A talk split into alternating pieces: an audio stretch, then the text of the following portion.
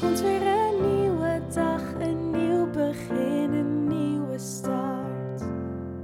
Je wordt vanzelf verrast.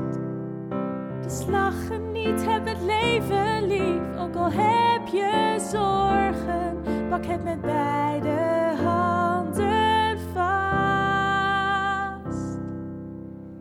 Dit is de Alles is Liefde podcast.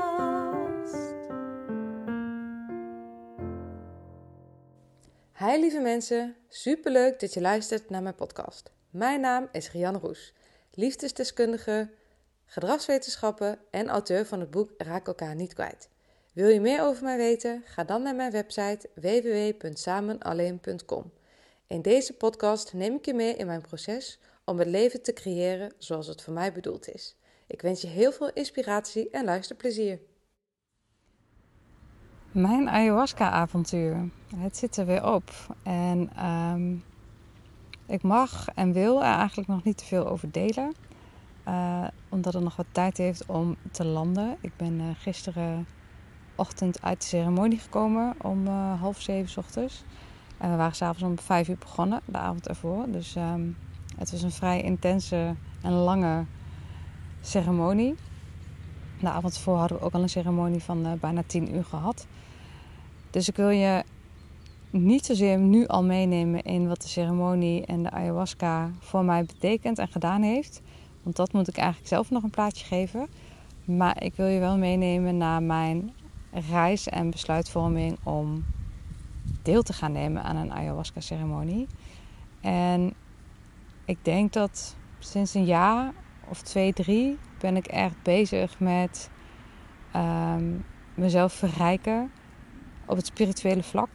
Ik uh, ben heel klinisch opgevoed, ik, uh, of opgevoed, um, opgeleid ook misschien wel opgevoed. Totaal niet opgevoed met emoties en het uiten van emoties. Niet opgegroeid met uh, spiritualiteit en met een heel ruim bewustzijn. Maar eigenlijk best wel een nauw kader waarin uh, je je aan de regels hoorde te houden.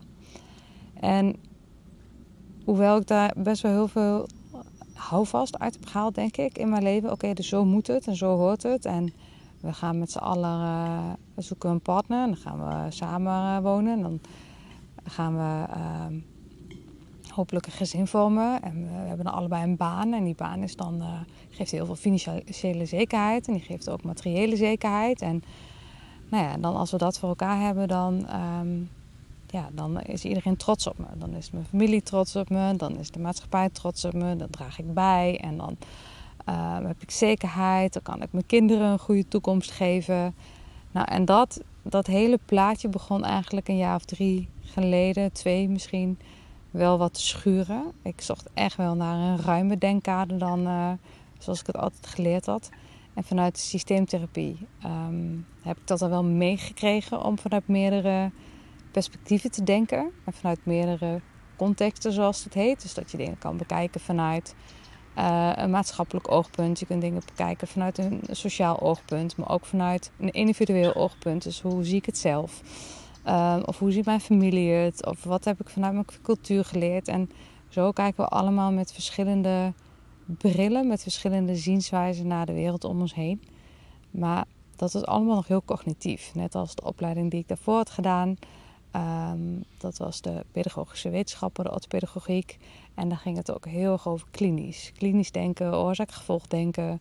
Um, ik vond het heel hokjes denken, klassificerend denken.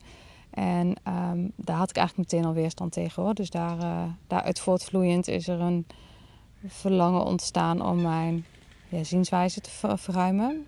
En dat is door de systeemtherapie heel goed gelukt. Aansluitend heb ik uh, de IOPT gedaan, de identiteitsgerichte psychotraumatherapie. En zodoende ben ik uh, ja, met opstellingen in aanraking gekomen. En daar had ik als cliënt heb ik daar wel zeker ervaring mee. Heb ik al mogen ervaren hoe krachtig opstellingen kunnen zijn. Maar dit was de eerste keer dat ik uh, zelf, mezelf erin ging scholen. Dat is dus ook wat ik gebruik in mijn therapieën. opstellingen is daar een vorm van. En dat was de eerste keer dat ik voelde dat er een um, hoe moet ik het zeggen, een brug zat tussen uh, een zienswijze, dus een perspectief zienswijze en een spiritueel bewustzijn en een ruime bewustzijn. En dat dat, ja, dat die, in die opleiding kreeg ik echt heel mooi die schakeling mee. Um, het was ook een opleider die zelf uit de GGZ kwam. Hij was psychotherapeut en ook helemaal geschoold in uh, het opstellingenwerk uh, van Frans Roepert. Dat sprak me heel erg aan. Het sprak me vooral heel erg aan omdat het gaat over de identiteitsgerichte psychotraumatherapie. Dus heel erg gaat over het stukje zelfverwezenlijking. Dus niet um, uh, de, de, ja, de schuld, verantwoordelijkheid voor jouw leven bij de omstandigheden leggen, maar heel erg voelen: oké, ik ben zelf dat laagje, uh, die ik mag zelf die laagjes in mezelf afpellen. Ik um, kan heel erg beleven hoe dingen voor mij zijn geweest, maar ik moet er ook zelf um, ja, heling uit, uh, uit kunnen vinden. Ik moet er ook zelf um, ja, ik moet daar zelf mee aan de slag. Ik kan niet iemand anders verantwoordelijk maken voor wat er in mij geheeld mag worden. Ook al is het misschien soms zo dat iemand anders wel jouw shit heeft aangedaan. Dus dat vond ik een heel uh, mooie methode. Zodoende ben ik, um, ja, is daarin echt al wel wat gaan schuiven. De opleiding bestaat uit heel veel oefenen en heel veel zelf ondergaan. Dus eigenlijk is de opleiding net zo goed therapie voor mezelf als dat ik mezelf uh, school als opleider. Het is natuurlijk ook een mooi idee dat je zowel meester als leerling bent en dat eigenlijk altijd zal blijven. Um, het leven heeft je altijd nog iets nieuws te leren. Um, en dat, ja, da daarin begon al wat te schuiven en dan begon ik al wat te, ja, te experimenteren met, met het doen van opstellingen. Um, daardoor kom ik ook met andere mensen in aanraking. En zodoende was ik ook bij de Spiritueel Business Visioneer Tess Vliers uh, geweest. Om ook te kijken hoe kan ik dit meer ook in mijn business gaan vormgeven. Dat heb je in de vorige podcast kunnen luisteren. Daar heb ik daar iets uitgebreider over verteld. Komt wellicht nog. Maar um, nou ja, eigenlijk is er dus een soort verlangen in mij wakker gaan worden. Waarin ik voel, ik wil ontdekken wat er nog meer is. Ik wil de laagjes in mezelf afpellen. En ik heb heel veel therapie gevolgd. Ik heb heel veel opleiding gedaan. Heel erg klinisch. Ik heb heel, ik heb heel veel kennis. Ik weet heel veel. Ik kan um, dingen heel goed onder woorden brengen. Maar het voelen en het echte vertrouwen op mijn intuïtie en een verlangen durven volgen, ook als mijn brein er van alles van vindt, nou, dat was wel een, um, een uh, weg te gaan. Ik heb heel lang denk ik op de ratio en op de redenering van mijn hoofd uh, gedraaid. Terwijl ik denk dat uh, het lichaam minstens zoveel informatie, zo niet meer informatie aan me geeft dan, dan wat, mijn hoofd, wat mijn hoofd bij kan houden.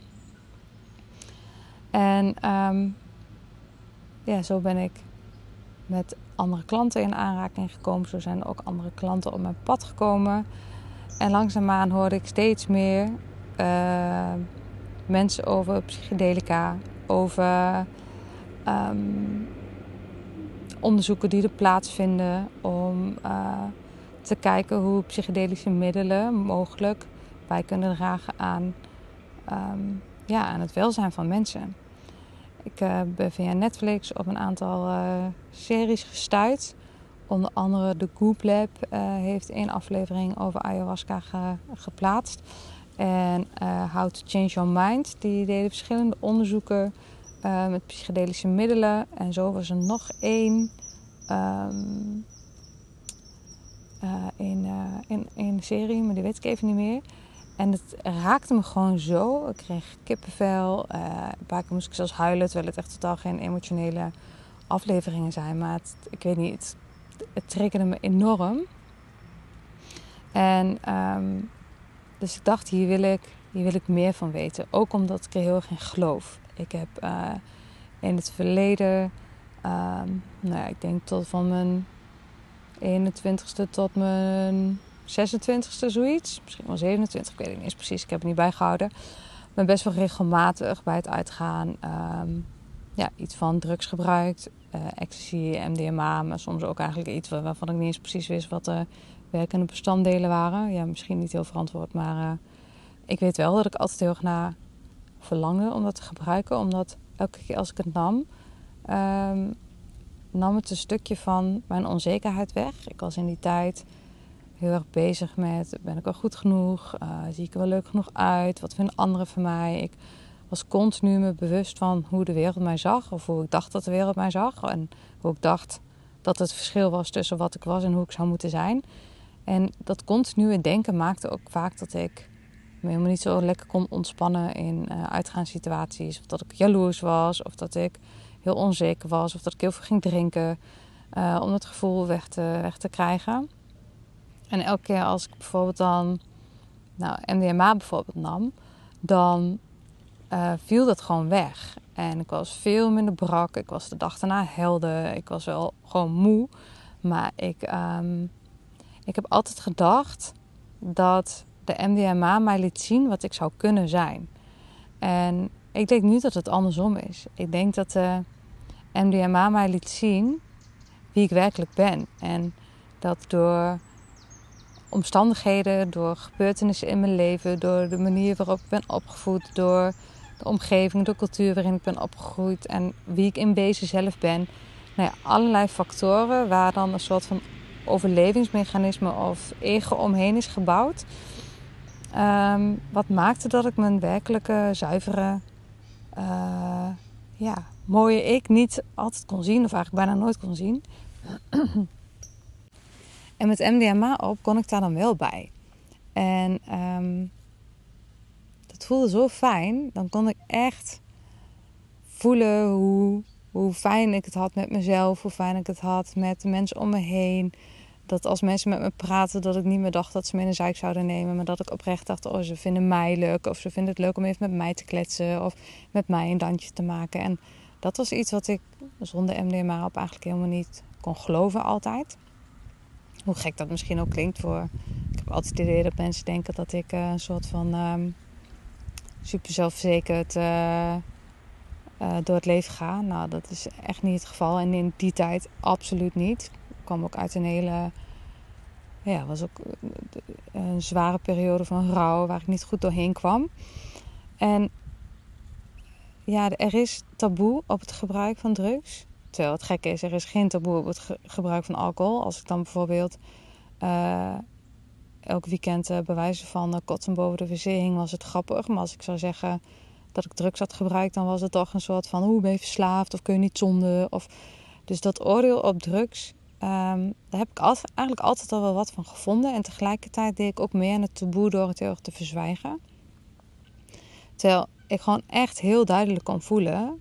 Um, als ik moest kiezen tussen alcohol of drugs... en waarvan ik me ook oprecht afvraag wat er nou daadwerkelijk slechter is ging ik met drugs op gewoon veel beter. En um, in die documentaire zie je dat ook. Dat hoe drugs eigenlijk verboden is geworden, heeft veel meer met misbruik te maken dan dat het in de kern een slecht product is. En dan heb ik het even over uh, LSD, MDMA, psychedelica, dus de ayahuasca en uh, de truffels. Dat is wat ik dan um, in die series terug zag komen. Dat, het, dat er ook hele mooie dingen mee gedaan kunnen worden. Maar dat zet en setting en intentie alles bepalend is voor of deze middelen voor je werken of tegen je werken. En um, ja, dat vind ik gewoon een prachtig gegeven. En dat is denk ik met alles zo in dit leven. Dus zodoende was mijn interesse in de ayahuasca al wel groot. En ik heb, mensen die me kennen weten dat, maar ik heb al heel lang heel veel last van uh, migraine echt enorme. Uh, ja, ja, ik weet niet. De mensen die migraine hebben, die, die snappen het meteen. Dat is zo'n intense, alles verlammende pijn. Waarin het gewoon een soort van.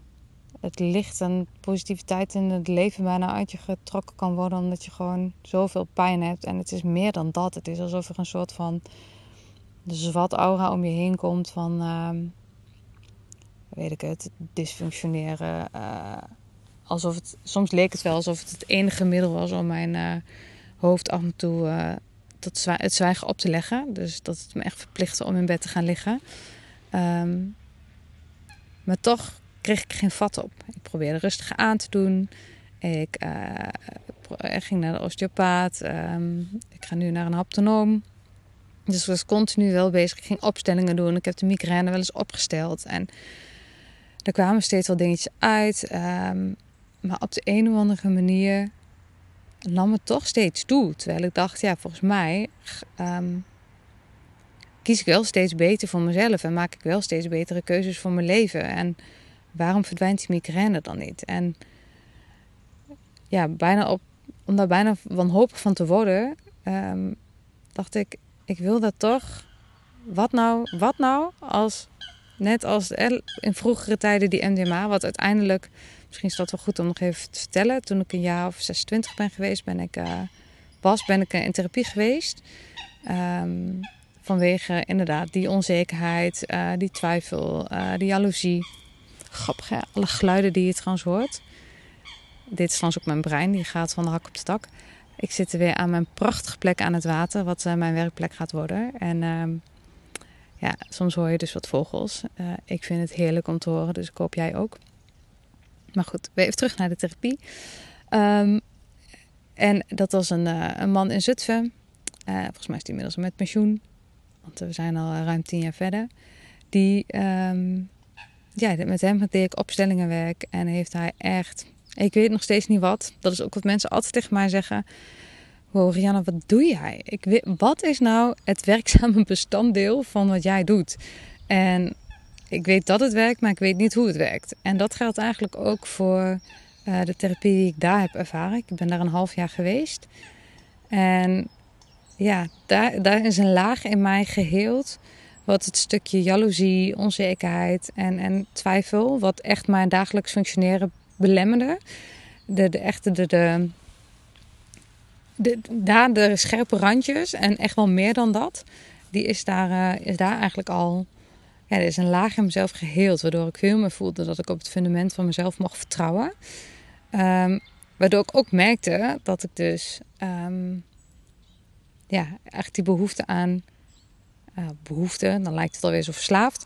Maar goed, dus dat ik ook voelde van oké, ik kan ook nu veel meer in ontspanning het fijn hebben. En ja, het is af en toe nog lekker om iets te gebruiken, omdat het gewoon een heel fijn gevoel geeft. Maar het is niet meer zo dat ik uh, um, echt zo naar verlangde, omdat ik dacht, oh, dan kan ik eventjes ontsnappen van uh, dat gevoel, wat, van dat zware gevoel wat continu in me hangt.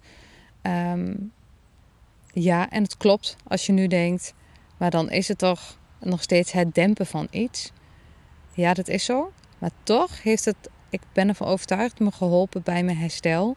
Uh, omdat zodra ik kon voelen dat het weg was, kon ik refereren aan het gevoel wat ik had als ik MDMA op had. Dat ik dacht, dit is het. Nu, nu is er rust. Nu is het dat wat ik al kende met MDMA op. Dat ken ik nu dus ook. Um, zonder dat ik het heb. Dat gevoel van liefde, het gevoel van positiviteit, van lichtheid, van zelfvertrouwen. En natuurlijk niet continu super zelfverzekerd, maar wel op een gezondere manier onzeker. Want ook daar zijn gradaties in. En ik hoopte heel erg dat. Ik was al lang op zoek naar iets wat die, ja, wat die migraine voor mij ook. Wat is dat nou? Hoe kan ik dat nu begrijpen en hoe kom ik er vanaf? Want dat was eigenlijk nog een veel belangrijke vraag. Ik had er zoveel last van. Ik heb er nog steeds zoveel last van. Vorige week is een dag geweest dat ik gewoon zeven dagen migraine heb gehad. En dat de pakjes triptaan die vliegen er doorheen. En ja, dat kan gewoon niet de bedoeling zijn. En ik wil dat ook niet. Want elke ochtend word ik wakker met het gevoel... Oh shit, weet je, kan ik wel functioneren vandaag? En wanneer doe ik te veel? En wanneer kan ik, kan ik het wel goed dragen? En dan had ik weer... Uh, um, uh, dat ik een afspraak maakte met iemand, maar eigenlijk bijna niet wilde afspreken, omdat ik dacht, ja, er bestaat ook een kans dat ik hoofdpijn heb. En dan kan ik niet afzeggen voor mijn gevoel, want soms heb ik dan al een keer afgezegd en dan neem ik maar triptaan. En toen kwam ik uiteindelijk ook tot de conclusie, ik neem alleen maar medicatie om ehm, mijn afspraak met anderen te kunnen nakomen. En vervolgens stort ik na die afspraak helemaal in en lig ik in bed. En kan ik niet nog bouwen op mijn medicatie, omdat eh, ik of aan mijn tak zit of zelf vind dat ik dan nu de rust moet pakken. Um, ja, zodat ik daarna misschien de volgende dag nog weer de dingen kan doen die ik, uh, die ik wilde doen. Of dan nog mijn medicatie achter de hand heb. Dus je hoort het al, het is een soort van een hond die achter zijn eigen staat aan rent, of een rat in het, of een hamster in het rad. Ik, ehm, ja, ik liep daar heel erg vast in. Dus vandaar mijn, ja, mijn verlangen naar iets wat het zou kunnen oplossen. Ehm, en oplossen betekent niet dat ik dacht dat er een toverdrankje ayahuasca bestaat wat, ehm, wat al mijn zorgen en mijn hoofdpijnklachten zou wegnemen. Maar ik geloof er wel in dat er iets in mijn onbewustzijn zit wat ik met me meedraag, waardoor ik continu pijn en stress voel. Dat is ook wat bij de haptonoom uh, steeds naar voren komt. Er is, ja, er is een alarmsysteem in mij. Mijn zenuwstelsel is zo sterk afgesteld dat als er maar iets verandert in een omgeving, ik alert ben. En ik denk steeds, hoe komt dit? Waar komt dit vandaan? En belangrijker nog, hoe krijg ik er meer rust in? Want ehm, ik voel dat meer rust nodig is. Daarom ook de keuze voor de haptonoom. Mijn hoofd, mijn kennis, mijn wij, eh, eh, deels wijsheid, dus de levenservaring die ik al heb, gecombineerd met mijn kennis, de wijsheid die ik daaruit haal, die is echt oké. Ik geloof echt in mijn, ehm, in mijn professionaliteit. Ik geloof in mijn kennis. Ik vertrouw uh, echt al wel op mijn onderbuikgevoel als het gaat over wat ik bij anderen zie en voel. Maar voor mezelf weet ik dat gewoon niet altijd goed uh, ja, te integreren, te, um, volgen misschien wel. Mijn hoofd heeft er nog te veel oordelen over. Um, dus mijn hoofd is mijn overlevingsmechanisme en tegelijkertijd is het mijn kracht, want het is ook hetgene waar ik heel goed in ben. Nou ja, dat zul je vast herkennen. Dus wat ik hoopte is dat die ayahuasca dat um, voor mij ging doen. En nu was het toeval dat ik een klant heb in een van mijn trajecten. En zij uh, deed al regelmatig ceremonies. En ik had het ook regelmatig met haar over. En de dag voordat ze weer voor een live dag bij mij kwam, zei ze: Ik heb gisteren een uitnodiging gekregen voor een ceremonie. En uh, ze noemde de data en ik kom.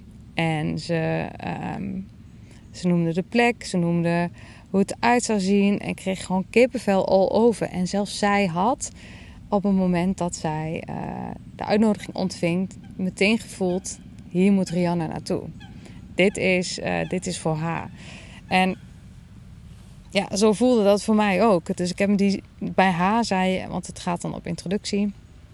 Je kan daar niet zomaar, uh, weet ik veel, via een of andere website aanmelden en uh, dan is het klaar. Dus zij werd dus mijn toegangskaartje tot, tot een, tribe van hele mooie mensen met, waar ik de mogelijkheid heb gehad om een ayahuasca ceremonie bij te wonen.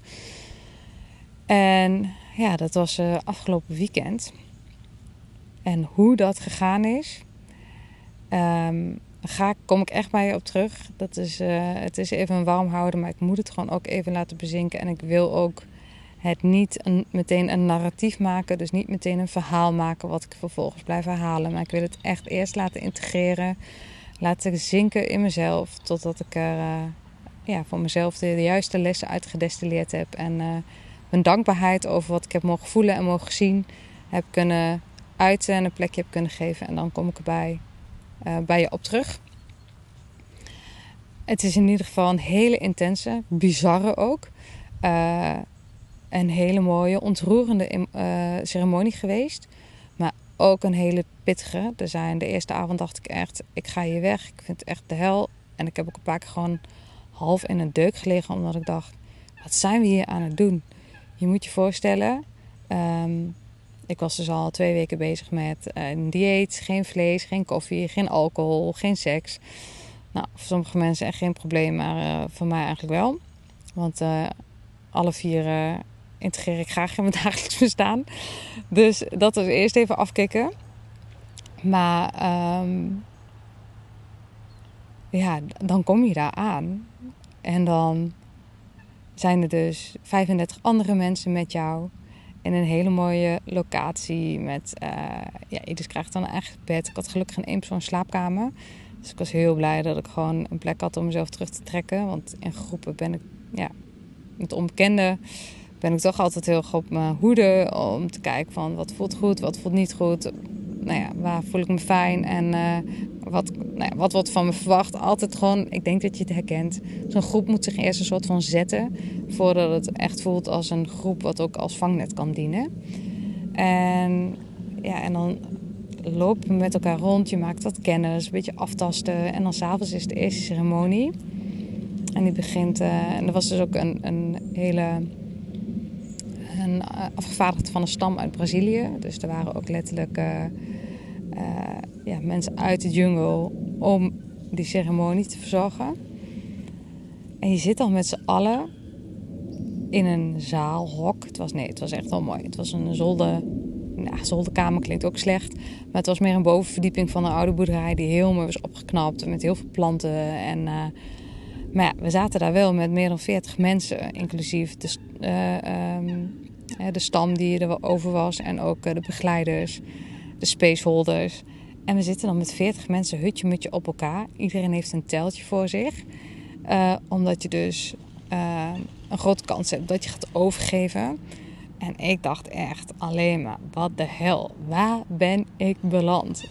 En ik vond de mensen fijn, ik vond de mensen leuk. Ik had wel het gevoel dat ik niet heel erg veel afweek van de groep of zo. Dus dat ik wel dacht, oké, dit zijn wel de mensen bij wie ik me oké voel. En ik ben niet een soort van bizarre vreemde eend in de bijt, om even in de, uh, in de spreekwoorden van de omgeving hier te blijven. Maar toch was het bizar.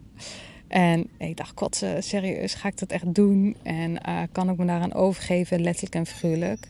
En zo, ja, zo begon de ceremonie.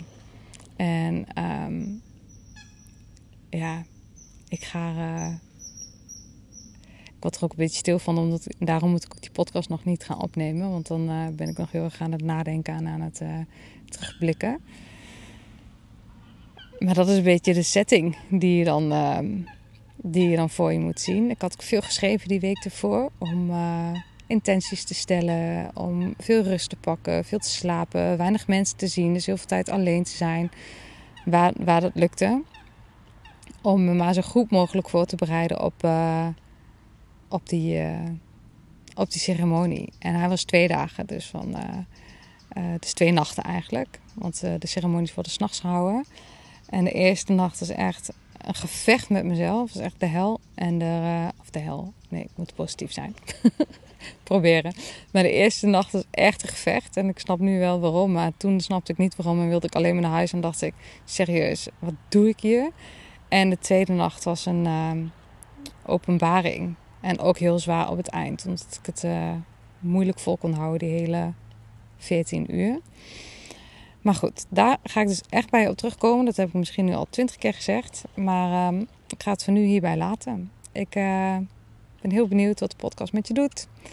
Uh, en nou ja, als je er inspiratie uit hebt gehaald of als je het leuk vindt, laat dan een review achter op iTunes. Um, en deel dan je enthousiasme, zodat er meer mensen ook geïnspireerd kunnen worden door de podcast. Voor nu wens ik je nog een hele fijne dag of nacht. Het is me net wanneer je me luistert. En uh, dankjewel voor het luisteren. Heel veel liefs van mij.